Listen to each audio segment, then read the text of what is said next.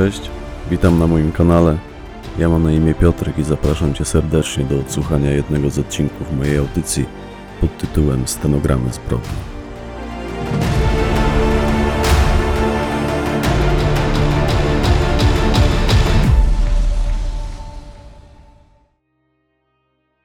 Proceder. Część 12. Fragment stenogramu rozmowy z Robertem D. pseudonim Figura. Ja jebie. Niech mi pani da chwilę. Muszę spróbować dojść do siebie, przynajmniej trochę ochłonąć. Wie pani co? Najlepiej będzie, jak mnie pani dzisiaj już zostawi. Niech pani przyjdzie kiedy indziej. Może jutro czy pojutrze. Naprawdę. Straciłem nastrój, że tak powiem. Niech pani odepnie mi ten mikrofon i widzimy się jutro. Proszę pani, zanim jeszcze pani wyjdzie, po co w ogóle pani mi to powiedziała? Chciała mnie pani ostrzec, czy co? Dobra, to już nie ma znaczenia. W każdym razie to pani niech na siebie uważa. I przede wszystkim szkoda, że tak długo pani z tym zwlekała. Mogła mi pani powiedzieć wcześniej. Fragment stenogramu rozmowy z Olgą S. Cóż mogę powiedzieć? Nie dziwię się, że Robert zachował się wobec pani w ten sposób, że panią wyprosił. On był z Jerzym bardzo zżyty. Wydaje mi się, że pod koniec tej całej historii to Robert był bardziej zżyty z Jerzym niż Tomasz. Tomasz trochę odszedł w cień, odsunął się od tego wszystkiego, sporo czasu poświęcał swoim hobby, a także mnie i naszym dzieciom. Powiem pani w tajemnicy, o ile to dziś dla kogokolwiek może jeszcze stanowić tajemnicę, że on zamierzał z tym procederem skończyć. Szukał jakiegoś sposobu, by się z tego wykręcić. Pamiętam, jak powiedział kiedyś: Już wystarczy, mamy tyle pieniędzy, że możemy żyć godnie do końca życia i nasze dzieci będą mogły żyć godnie. Niestety, Tomek stanowił trzon tej grupy. Nie mógł zrezygnować od tak po prostu, z dnia na dzień. Natomiast nie chciał zostawić chłopaków z niczym. Coraz częściej rozmyślał o następcy. Zasmuciło mnie to, co mi pani powiedziała, ale cóż ja mogę na to poradzić? Dziś moje życie wygląda inaczej, odnalazłam swoje miejsce daleko stąd. Mój starszy syn jest już dorosły, niech mi pani wierzy, że w ciągu ostatnich kilku lat większość wspomnień z tamtego okresu wyrzuciłam z siebie. Pozbyłam się ich z pamięci. Usilnie nad tym pracowałam, długo czuwał nade mną psycholog. I Jerzego nie widziałam od lat, a czego oczy nie widzą, tego sercu przecież nie żal. Szkoda mi go, oczywiście, że mi go szkoda. Mimo, że zawsze miałam mu za złe, iż to on wciągnął Tomka w to wszystko. Gdyby nie zastrzelił tego człowieka w Salwadorze, tego cholernego Mario, wróciliby wtedy do Polski, możliwe, że zajęliby się czymś legalnym. Ja chyba wciąż głęboko w to wierzę. Starałam się nikogo nie obwiniać, ale nie potrafiłam. Dobrze się znaliśmy z Jerzym. Często u nas bywał, zawsze był szczery, pełen energii i pomysłów na przyszłość. W ciężkich chwilach zwykł mówić, że wszystko, co go otacza, jest tylko tłem i tylko on jest prawdziwy. Widocznie dodawał sobie w ten sposób otuchy. Tak, znałam go, był bardzo silny i zrównoważony, więc tym bardziej ciężko mi uwierzyć w to, że popełnił samobójstwo, szczególnie w takim momencie. Teraz, gdy przecież spotykał się z panią, cieszył się na tę pani książkę. No cóż, widocznie z jakiegoś powodu uznał, że to już jego czas. Ja nie wiem, naprawdę nie wiem, czy on zrobił to sam, czy też ktoś mógł mu pomóc. Nie wiem, aczkolwiek rozum podsuwa mi różne scenariusze. To pani powinna wiedzieć. Spotykała się z nim pani od wielu tygodni. Dziś to pani znała go lepiej niż ja, widziała pani w jakim jest stanie. Intuicja powinna pani podpowiedzieć, co mogło się wydarzyć. Ja nie mam zamiaru się w to mieszać, rozmyślać nad tym, nie chcę wracać pamięcią do tamtych czasów, nie chcę ponownie tym żyć. Wczoraj, po tym jak pani do mnie zadzwoniła, by mi oznajmić, że Jerzy nie żyje, leżąc w hotelowym łóżku, podjęłam decyzję, że dziś spotkamy się po raz ostatni. Tak, taką decyzję powzięłam. W środku nocy odpaliłam laptopa, kupiłam sobie bilet na samolot. Dzisiaj po południu wylatuję z kraju i mam wrażenie, że moja noga tu więcej nie postanie. A w najbliższym czasie postaram się ściągnąć do siebie również mamę Tomka. Nie chcę, by siedziała tu sama, chociaż to mógłby być dla niej ogromny szok. Nie wiem, czy jej serce by to wytrzymało. Dom? Spróbuję go sprzedać za pośrednictwem agencji, a póki co niech się z nim dzieje co chce. Niech nawet obróci się w ruinę. Nie obchodzi mnie to. Są rzeczy i sprawy ważniejsze niż ten dom. Przykro mi, że panią rozczarowałam, ale tak, to ostatnie nasze spotkanie. Nie wiem, czy uda się pani dokończyć tę pani książkę, ale muszę się pani przyznać, że w obecnych okolicznościach nie interesuje mnie to za bardzo. Mniej mi to zaprząta głowę niż moje własne sprawy. Spójrzmy prawdzie w oczy. Przecież ani pani, ani ja nie wiemy, co tak naprawdę wydarzyło się w celi Jerzego i czy nie jest to zaraźliwe. Będę z panią szczera, nieco boję się o siebie. Przez całe lata walczyłam o to, by przestać się bać, a teraz czuję, jak strach wraca do mnie ze zdwojoną siłą. Mam za sobą pierwszą nieprzespaną noc od wielu miesięcy. I to dzięki pani i tej pani książce. Rozum mi podpowiada, że to pani sprowokowała śmierć Jerzego i mnie również może spotkać coś przykrego. Dlatego widzimy się dziś po raz ostatni. Proszę dopytać, o co ma pani dopytać, bo w sumie to powinnam być już w drodze na lotnisko.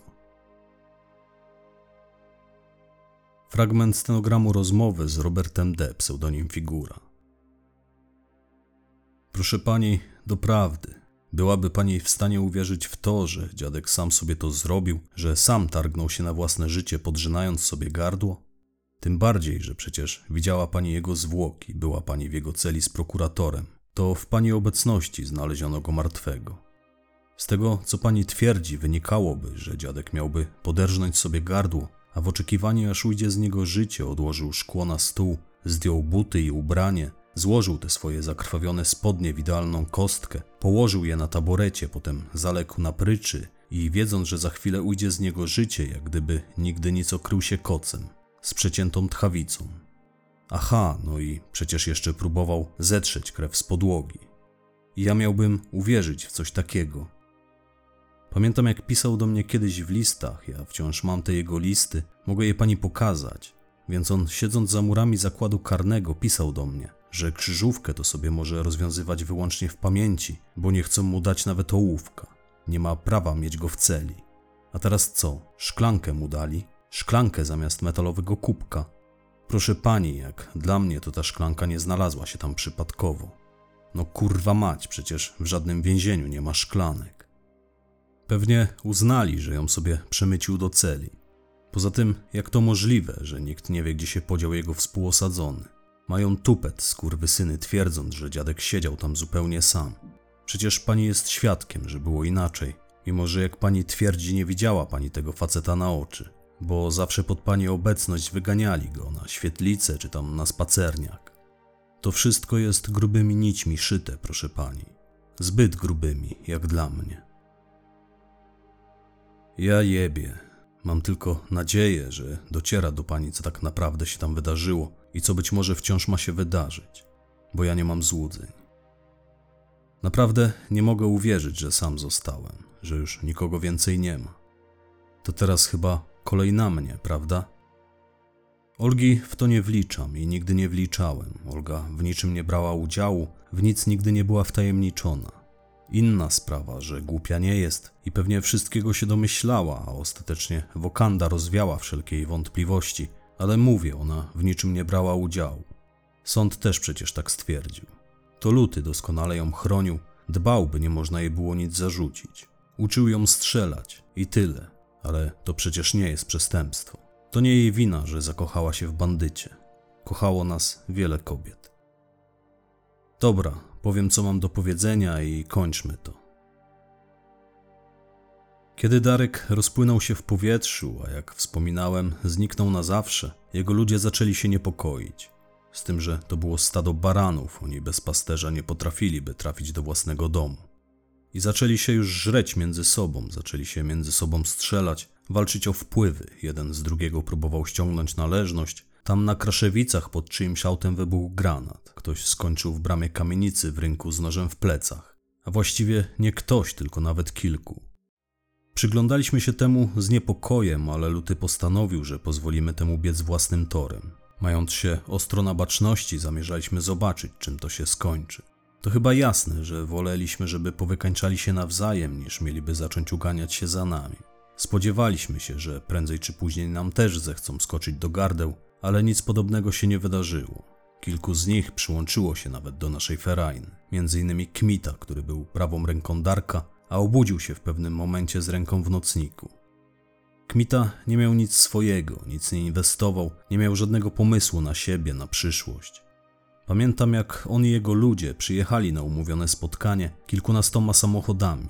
Nie zapomnę, jak tam strzelał popcorn z tych tłumików, bo tam same V8 podjechały. Aż się ziemia trzęsła, jak ten cały bałagan się tam zjechał. Te góry śmieci się sypały. Bo to spotkanie odbyło się na terenie składowiska odpadów pod Świdnicą. Często właśnie tam spotykaliśmy się z innymi ekipami na tak zwaną rozkminę, bo jak ktoś miałby wyłapać kulkę czy siekierę, to tam można było szybko pozbyć się jego ciała. Ile tam na tym składowisku leży ludzi pochowanych, to nie ma pani pojęcia. Tak naprawdę to chyba nikt nie ma. I nie mówię tu tylko o zwłokach tych, którzy nam podpadli, bo takich spoczywa tam dwóch, no najwyżej trzech. Tam leży ich sporo więcej. To składowisko to słynne było, proszę pani, na cały Dolny Śląsk. Jak się w naszych kręgach mówiło, że kogoś trzeba się pozbyć, a jego zwłoki mają wylądować w śmietniku, to miało się na myśli wyłącznie to miejsce. Tak, to składowisko pod Świdnicą jest owiane złą sławą. Nawet okoliczni mieszkańcy wiedzą, że należy się trzymać od niego z daleka. Po tym jak przyszła na nas kryska, psiarskie długo tam kopały, ale niczego nie trafili. Żeby coś znaleźć, musieliby tam kopać przez rok, niech mi pani wierzy. To jest ogromny teren, tysiące ton śmieci z kilku gmin tam leżało, a dzisiaj leży ich tam pewnie wielokrotnie więcej. I przynajmniej dziewięć osób tam spoczywa, bo o tylu mi wiadomo. Oczywiście, jak już wspominałem, z pewnością jest ich więcej, ale ja nie byłem przecież na pogrzebie każdego. Zwożono ich tam z całej okolicy, różne ekipy ich zwoziły, to miejsce to był pewniak. Tam spoko ferajna tym składowiskiem zarządzała, potrafili dotrzymać tajemnicy. To byli sami swoi, płaciło się im, brali koparkę, wykopywali dziurę, nie miało znaczenia, czy to w dzień było, czy w nocy. Pieniądze, które dostawali, widocznie rozjaśniały im mrok i oni bez względu na porę dnia robili dziurę, a do niej trafiał potem worek, czy też worki. Zależało to od tego, jak bardzo ktoś komuś podpadł. Płaciło się tym panom, oni zasypywali dziurę, potem zgodnie ze sztuką walcowali to miejsce, narzucali tam kolejne tony odpadów. Tam pracowały stare wiarusy, wydzierani byli nawet na gębach, tacy sami bandyci jak my to byli, tylko już po odsiadkach chcieli żyć, pracować, funkcjonować w społeczeństwie, z reguły trzymali się z dala od kłopotów. Robili to właśnie po to, żeby żyć, dla pieniędzy przecież to robili. Mówię, doborowa ekipa, bardzo dyskretni ludzie. Wiele firm może pomarzyć o tak oddanych pracownikach, wkładali w tę robotę całe serce. Jak pani spojrzy w nasze akta, to ich nazwiska powinny tam być, gdyby to panią interesowało na przyszłość.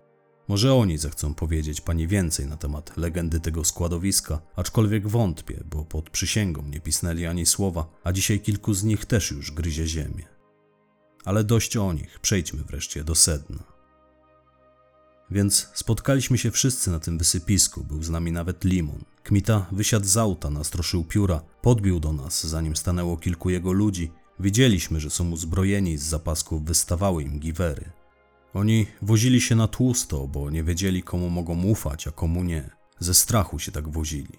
Byli zaszczuci, bo po zniknięciu Darka nastąpił taki okres, że każdy bandzior w mieście stał się mocno elektryczny.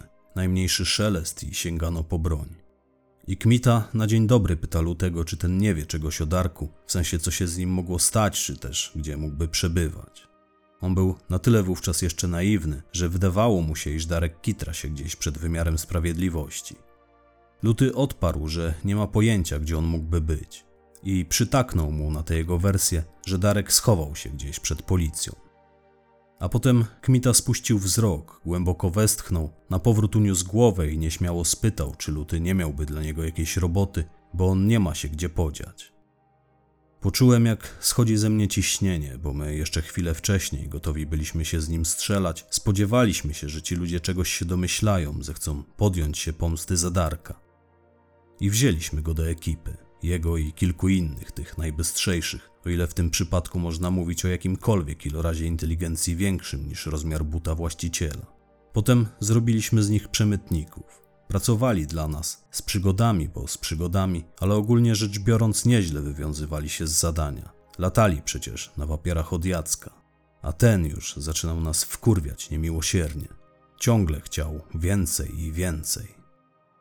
Jacek nie był ślepy, a tym bardziej głupi. Widział, że rośniemy w siłę i czuł pewnie, że nadejdzie taki moment, kiedy zechcemy mu się postawić i zerwać z nim współpracę, a być może nawet go odjebać.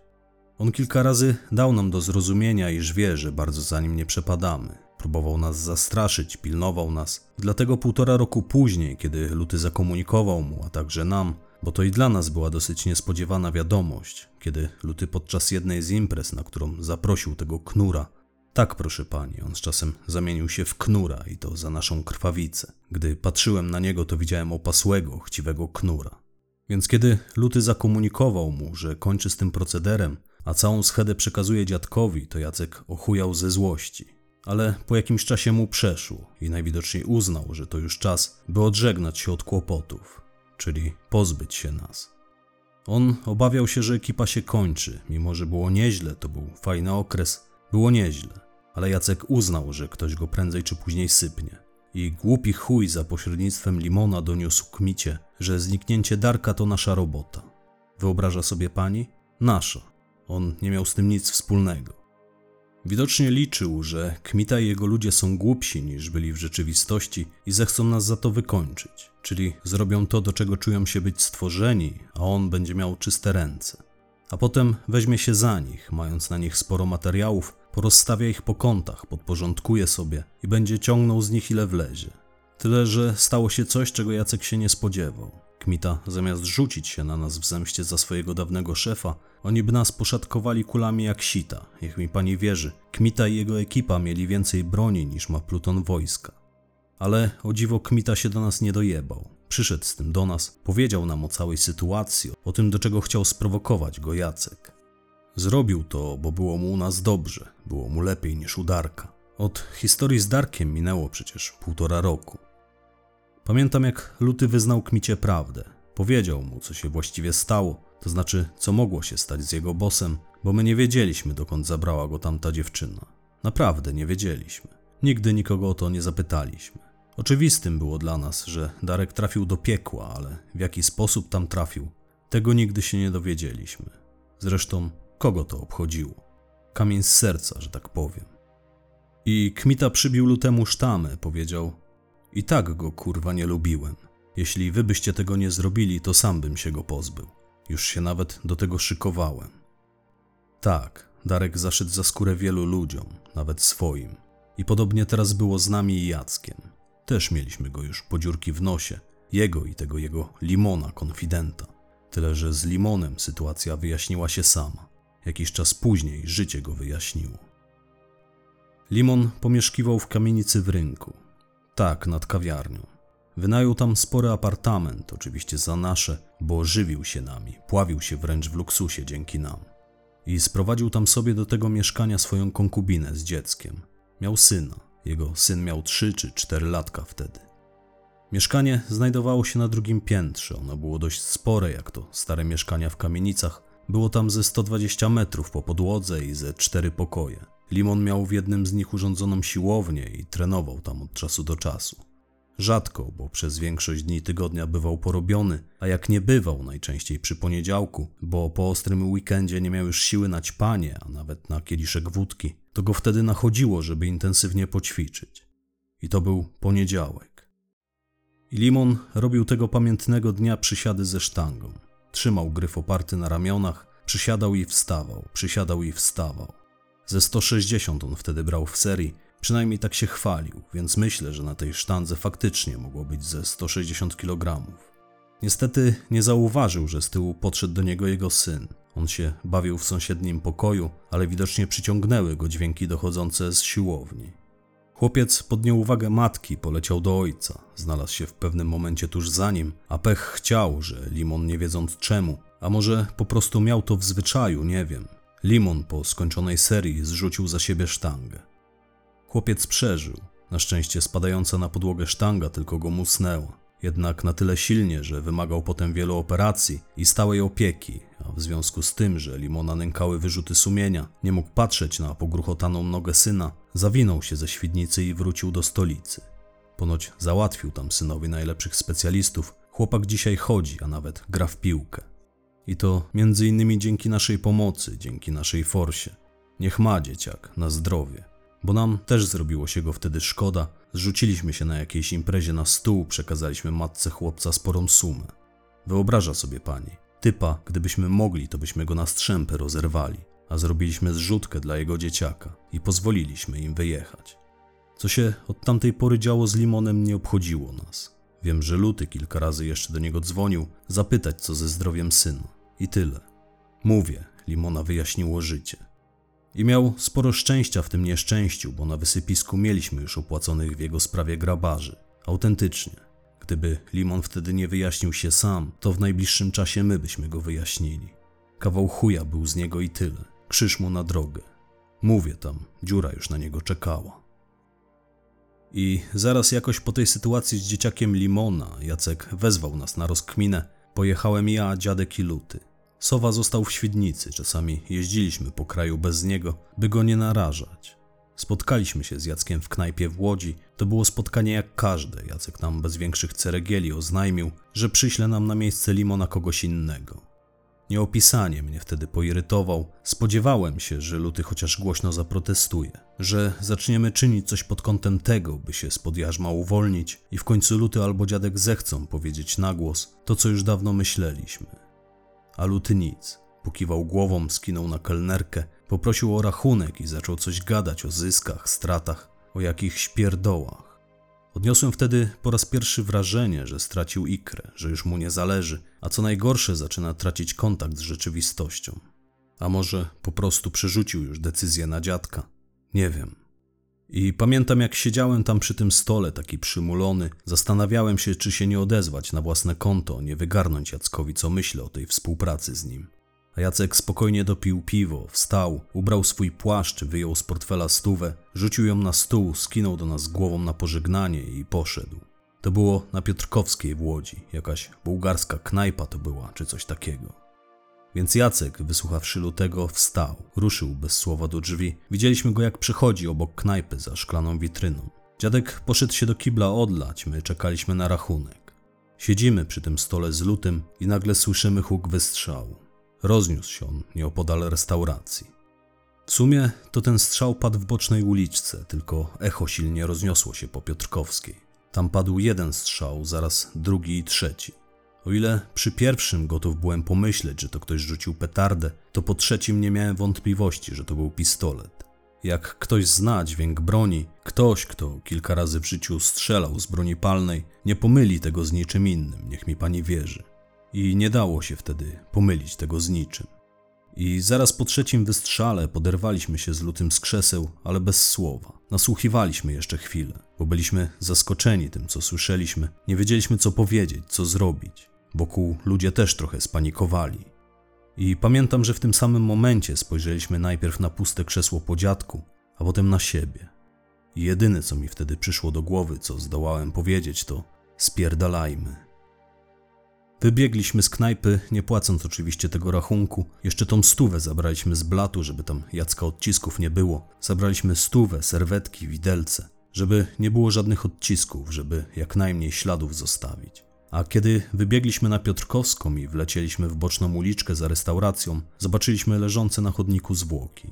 Przy aucie, przy jego otwartych drzwiach, to było auto, którym przyjechał Jacek. No i oczywiście to jego zwłoki leżały na tym chodniku tak jak się spodziewaliśmy. A jakieś 50 metrów dalej stał dziadek. Stał i po prostu przyglądał się nam. Poklepałem lutego po ramieniu, bo ludzie zaczęli się tam schodzić, a on sterczał nad zwłokami Jacka jak słup soli. Praktycznie wydarłem mu się więc do ucha, że musimy spierdalać. Ale zanim się stamtąd zawinęliśmy, wyjęliśmy z kieszeni Jacka płaszcza jego portfel. Wyłącznie po to, żeby zyskać trochę czasu, żeby utrudnić policji jego identyfikację. Zamknęliśmy też drzwi od auta i podnieśliśmy z ziemi kluczyki, które też zabraliśmy. Wszystko to zrobiliśmy, by tylko zyskać na czasie, chociaż kilka minut. Pamiętam, jak wracaliśmy z tej łodzi do Świdnicy, jak pędziliśmy w milczeniu. Żaden z nas przez całą drogę się nie odezwał.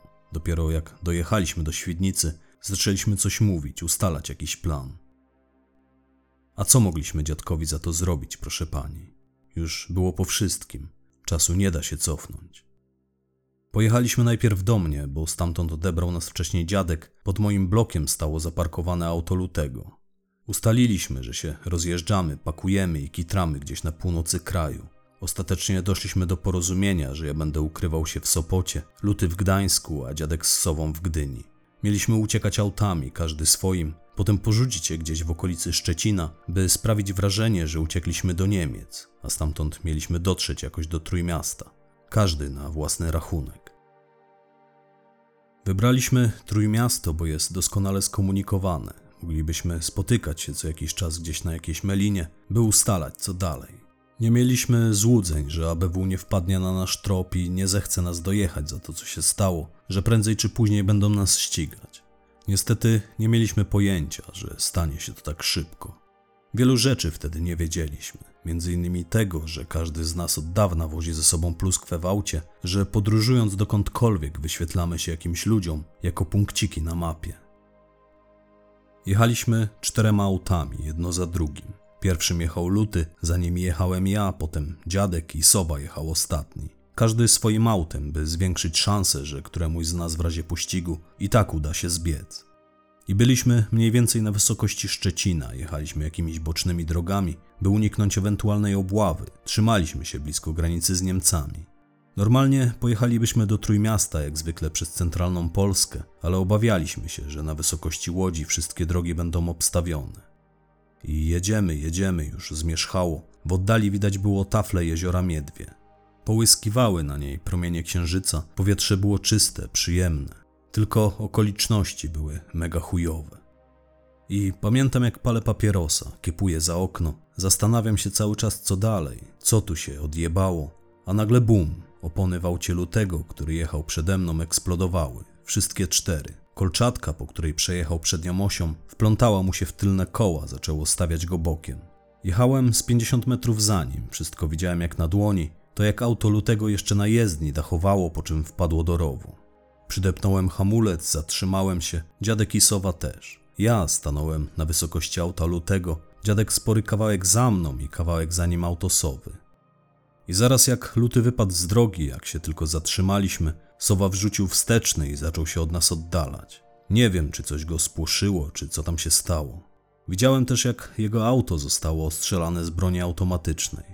Oni czaili się w krzakach, chyba z nadzieją, że wszyscy polegniemy na tej kolczatce. Na szczęście, luty wypadając z drogi, zabrał ją ze sobą. To była zasadzka, proszę pani, a sowa niefortunnie wycofał i wjechał im prosto pod lufy. Oni tam prawdopodobnie przyjechali nas zabić, nosili się z zamiarem zabicia nas, żeby żaden z nas się nie wygadał. Ludzie, z którymi Jacek się dzielił naszymi pieniędzmi, zjawili się tam, by nas zabić. Albo też spanikowali.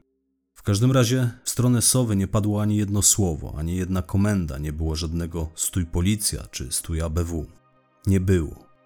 Pamiętam tylko, jak rozległ się huk broni automatycznej i jak do moich uszu zaczęły docierać dźwięki dziurawionego metalu. Sowa, proszę pani, nie prosił, nie skomlał.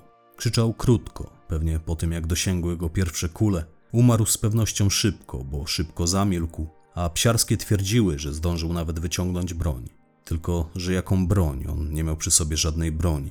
Luty miał i dziadek. Sowa nie. Przyszyło go tam 27 kul. Tyle ich z niego wyciągnęli podczas sekcji. I zaraz jak te mędy się upewniły, że sowa nie żyje, zaczęli biec w naszą stronę, zaczęli strzelać do mnie i do dziadka. I pamiętam jak znów spojrzałem w lusterko i nagle widzę, że drzwi w aucie dziadka się otwierają. On wychodzi z rękoma podniesionymi do góry, kładzie się na jezdni. Spodziewałem się, że zaraz też wyłapie kulkę, ale nie. Dostał kilka butów, siedli na nim. Chyba zaczęli zakuwać go w dyby.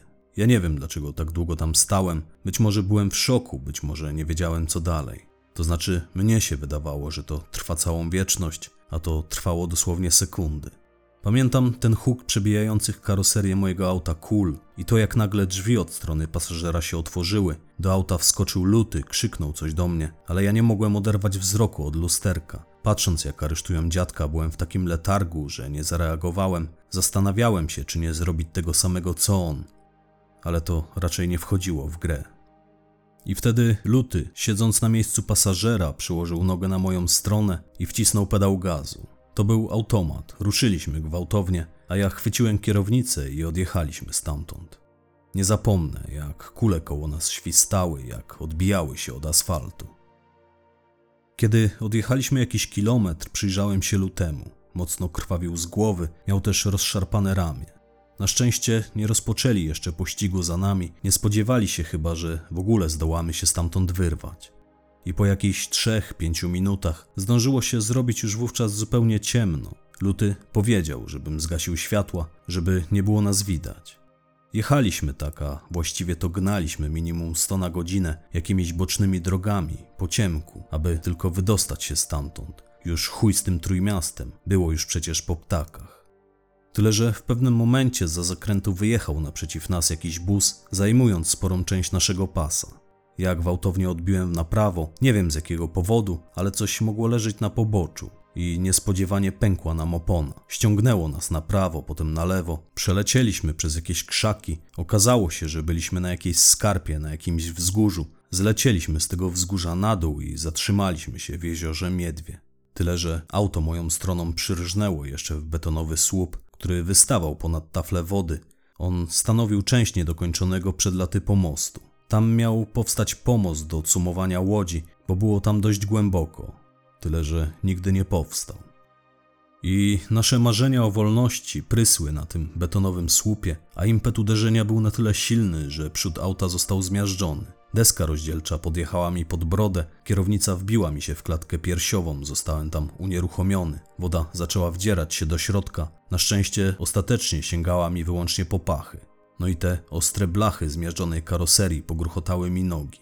Tak boleśnie, że nie dalej jak po minucie od momentu, gdy znaleźliśmy się w wodzie, zacząłem tracić przytomność. Tak, zostałem zakleszczony w tym aucie i niewiele potem pamiętam. Mam takie przebłyski, jak cuci mnie lekarz karetki, bijąc mnie po twarzy. Auto było już na brzegu, bo wyciągnęła je z wody straż pożarna. Pamiętam, jak ten lekarz rozmawiał o czymś ze strażakiem, potem podszedł do mnie, wbił mi w ramię igłę. Zaraz jak tylko coś mi wstrzyknął, poczułem jak ból odchodzi, jak znika, a mnie ogarnia błogostan. Poczułem się jak pijany, jakby mnie ktoś okrył ciepłą kołdrą. Zaczęło kręcić mi się w głowie. Potem ten sam lekarz założył mi na obie nogi, na wysokości ud, takie opaski uciskowe, a później podszedł do mnie strażak z nożycami hydraulicznymi. Pierwsze co zrobił, to odciął kierownicę. Myślałem, że będzie ciął później tę blachę, żeby mi wyciągnąć spod niej nogi, ale on miał inny plan, który widocznie ustalił już z lekarzem pogotowia. Ktoś mi później powiedział, że musieli to zrobić, by uratować mi życie. Silnie krwawiłem z tych nóg, straciłem bardzo dużo krwi w czasie trwania tej akcji, a byłem tak zakleszczony, że nie byli w stanie zatamować mi krwotoku. Musieli mnie jak najszybciej wyciągnąć, żeby mogli się mną dalej zająć. To dlatego siedzę tu teraz przed panią na tym wózku, w tym pieprzonym hospicjum. I powiem pani, że nawet dla tego strażaka musiał to być przykry widok. Widziałem, jak przyłożył mi do lewej nogi te nożyce, zaraz nad kolanem. Pamiętam, jak się przymierzał, żeby ciąć. W końcu krzyknął spod tego hełmu coś jakby: Robię to dla twojego dobra. I znów poczułem lekki ból, ale taki delikatny, jak urządlenie pszczoły. A potem jeszcze raz. Zaraz jak mnie wyszarpali z tego wraku, a ja dostrzegłem, że brakuje mi nóg, to znów straciłem przytomność. Odzyskałem ją dopiero na szpitalnym łóżku. Stał wtedy nade mną jakiś gliniarz ubrany po cywilnemu. Przyglądał mi się uważnie. Po tym jak powiedział mi, co się stało i co mnie czeka, poczęstował mnie papierosem. Zapaliliśmy obaj w tej sali szpitalnej, mimo że przecież nie wolno. Plus tego wszystkiego był taki i tylko taki, że w przeciwieństwie do dziadka uniknąłem więzienia, a w przeciwieństwie do sowy śmierci. Pewnie chciałaby pani usłyszeć, jak to luty wyszedł z tego bez szwanku, ale ja nie wiem, co się z nim stało. Gdy się ocknąłem, siedząc zakleszczony w tej kupie złomu na brzegu jeziora, to jego już nie było. Jedni twierdzą, że utonął w jeziorze, drudzy, że zbiegł. Natomiast ja też myślę swoje. Nie, proszę pani, nie umawiajmy się na jutro. Zakończmy to dzisiaj. Mam takie dziwne przeczucie, że jutro mnie nie będzie. Poza tym, ja więcej grzechów nie pamiętam. Powiedziałem już pani chyba wszystko. Fragment stenogramu rozmowy z Olgą S. Kiedyś Tomasz przytulił mnie, powiedział, że nieuchronnie zbliża się ten dzień, w którym będziemy musieli zostawić wszystko, co mamy i uciekać. Stwierdził, że podobny dom zawsze będziemy mogli sobie jeszcze wybudować w Stanach albo w Australii, że to nie problem, tylko koniecznie z widokiem na morze, bo znudziły mu się już góry. Zapytałam Tomka kiedyś, skąd tyle u niego sympatii do Jerzego. Odparł, że po tym jak jego brat uzyskał pierwszy tytuł, urządzili sobie imprezę w klubie bokserskim i brat go tam zabrał. Przedstawił wtedy Tomka Jerzemu, a ten wziął go na kolana. I tak utkwiło mu to w pamięci. Natomiast Jerzy uparcie twierdził, że tego nie pamięta, że w jego mniemaniu spotkali się po raz pierwszy dopiero wówczas, gdy Tomek przyszedł do niego trenować. Tak, widziałam. To auto stoi tam kolejny raz. Podjechało jakieś pół godziny temu. Codziennie za mną jeżdżą. Boję się, ale cóż, przecież nie zadzwonię na policję, bo wydaje mi się, że ktoś mnie śledzi. Jeszcze głupie gliny gotowe zorientować się, kim jestem i zechcą mnie z jakiegoś powodu tu zatrzymać. Powiem pani, co zrobię. Pójdę do spiżarni w ogrodzie. Tam wśród setki słoików z suszonymi owocami jest tylko jeden słoik suszonych pomarańczy. Jest w nim też ukryty pistolet. O dziwo, nikomu nie chciało się do niego zajrzeć. Wiem, bo już tam byłam i sprawdziłam. Uniosę ten słoik nad głowę, rozbiję go o posadzkę, schowam pistolet do torebki, wsiądę do auta i po prostu pojadę na lotnisko. Pozbędę się go, zanim tam dojadę, ale póki co czuję, że może mi się on dzisiaj przydać. Mam natomiast nadzieję, że mi się nie przyda. A czemu miałabym sobie nie poradzić? Jestem przecież kobietą gangstera. Do widzenia i powodzenia z tą pani książką. Fragment stenogramu rozmowy z Robertem D., pseudonim Figura. Tak czułem, że nie da mi pani spokoju i jeszcze na koniec będzie pani drążyć. Cóż mogę pani powiedzieć? No a jak pani sądzi? Kto nam przez te wszystkie lata przysyłał te paczki, te cygara? Proszę, niech się pani poczęstuje. Czytałem trochę o nich. Ponoć można je kupić wyłącznie na Kubie.